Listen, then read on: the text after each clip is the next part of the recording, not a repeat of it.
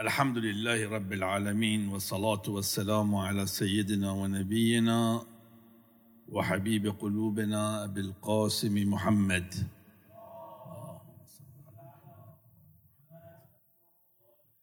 صلى الله عليه وعلى أهل بيته الطيبين الطاهرين المعصومين الهداة الميامين. ليلة مولد سبط رسول الله الإمام الحسن المجتبى سلام الله عليه. وفي دعاء الافتتاح نقرأ هكذا والعدل المنتظر القائم المؤمل والعدل المنتظر. كل أئمة أهل البيت سلام الله عليهم أجمعين. كانوا ينتظرون مهدي الأمة. أرواحنا فداه. وكانوا يعلمون بأن الإمام الحجة هو الذي سوف يحل جميع المشاكل جذريا. ولذلك لا يمكن أن تفسر مواقفهم بالنسبة إلى حكام زمانهم إلا أن تنظر إليهم من منظار مهدوي. ومنهم الإمام الحسن صلوات الله وسلامه عليه. هل يمكن لنا أن نفسر موقف الإمام الحسن سلام الله عليه الذي يعلم الغيب بتفسير ظاهري. إن أحد منا أراد أن يقف في قبال الإمام ويتوهم حتى على مستوى التوهم أنه لو لو لم يفعل الإمام هذا لكان هو الأفضل فهذا الإنسان قد خرج عن ربقة الإمامة. يعني واقعا خرج عن الخط. لأن الإمام هو العالم بما كان وبما يكون وبما هو كائن إلى يوم القيامة.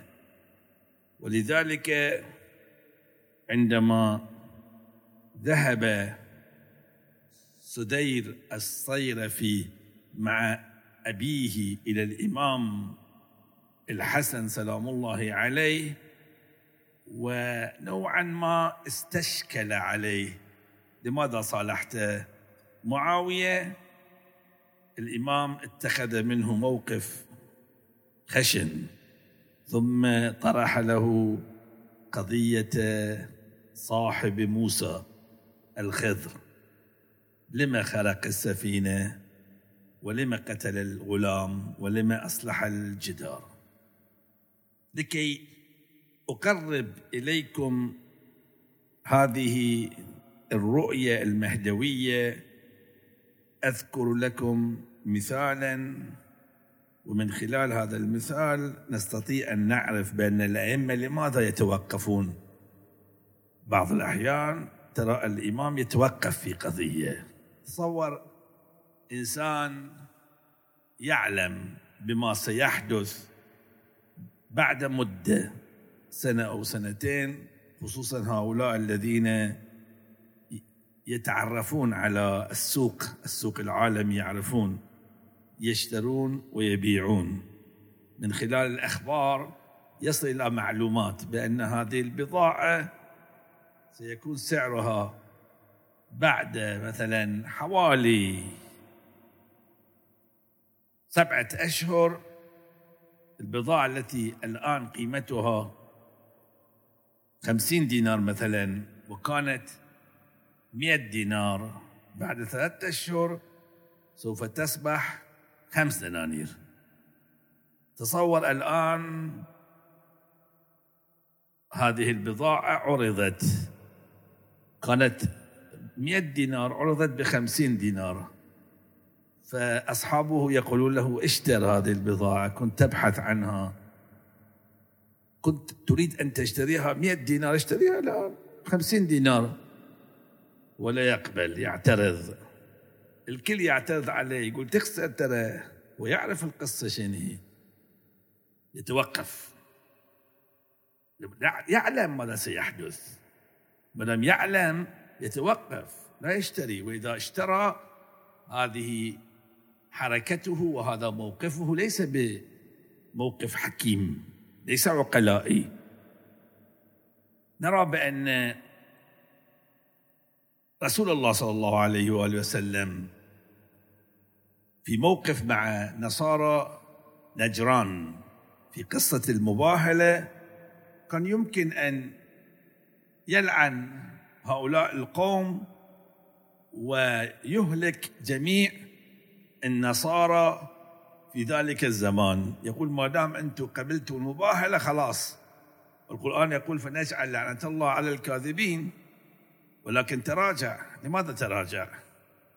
لأن هناك خطة مستقبلية مهدوية. خطة هذه عجيبة. الإبادة الكاملة أين مبيد العتاة والمردة أين مستأصل أهل العناد والتضليل؟ والإلحاد وهناك خطة سوف تحقق آمال الأنبياء العدل المنتظر العدل مو العادل. يعني العدل سوف يتحقق بما للكلمة من معنى توقف. رسول الله هنا. كذلك سائر الأئمة عليهم السلام. كان يمكن لعلي سلام الله عليه أن يخرج ذو الفقار من غلافه ومن غمده ويقتل هؤلاء القوم.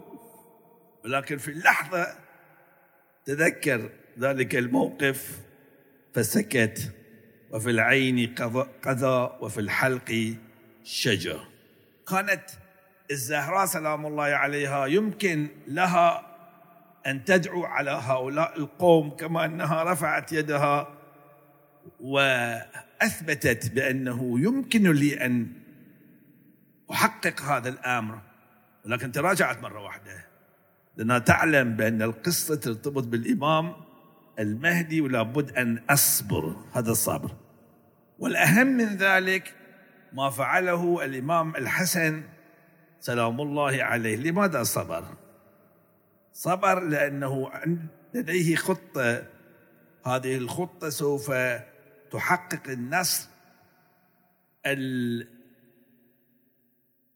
العظيم والفتح القريب حقيقة. وهذا الصبر هو من نمط الصبر الذي نراه في قصة يوسف حيث يقول يعقوب فصبر جميل عسى الله أن يأتيني بهم جميعا. الإمام الحسن هذا منطقه فصبر جميل عسى الله أن يأتيني بهم جميعا وبإيابكم موقن. الكل يأتي. أنا أصبر ليأتي الكل ويحقق الإنجازات العظيمة. فنصبر. والناس ما يعرفون القضية. فتراجع الإمام. في لحظتها تراجع. الكل تأثر. ليش تراجع؟ فصبر جميل. عسى الله أن يأتيني بهم جميعا. ثم بعد ذلك لابد أن يتم التحسس. تحسس من تحسس الإمام. الحجة أرواحنا فداه فقال يا بني اذهبوا.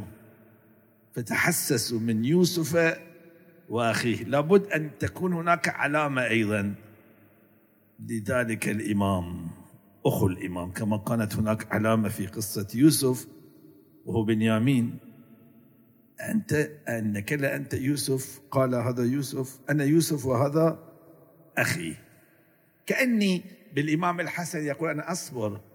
يا بني يا بني يا قاسم يا عبد الله اذهبوا فتحسسوا من يوسف. هنا يوسف هو الإمام الحسين سلام الله عليه. أين الحسين وأخيه؟ روحوا شوفوا أبو الفضل وين؟ الحسين هناك. تابعوا الشخصين. أي مكان تشوفون الحسين؟ مع أبو الفضل. ادخلوا في الساحة. والخطة من هنا تبدأ خطة المهدوية. سبحان الله. لابد أن ننظر إلى الأئمة هكذا. مو أناس عاديين. هؤلاء لديهم المفتاح وعنده مفاتيح الغيب ولكن هذا المفتاح وضعه في يد الإمام سلام الله عليه وبالفعل القاسم ذهب وعبد الله ذهب ذهب والتقى بيوسف زمانهم وهذا يوسف أيضا حرك الناس إلى يوسف آخر وآخر إلى أن يصل الدور إلى يوسف الزهراء سلام الله عليها.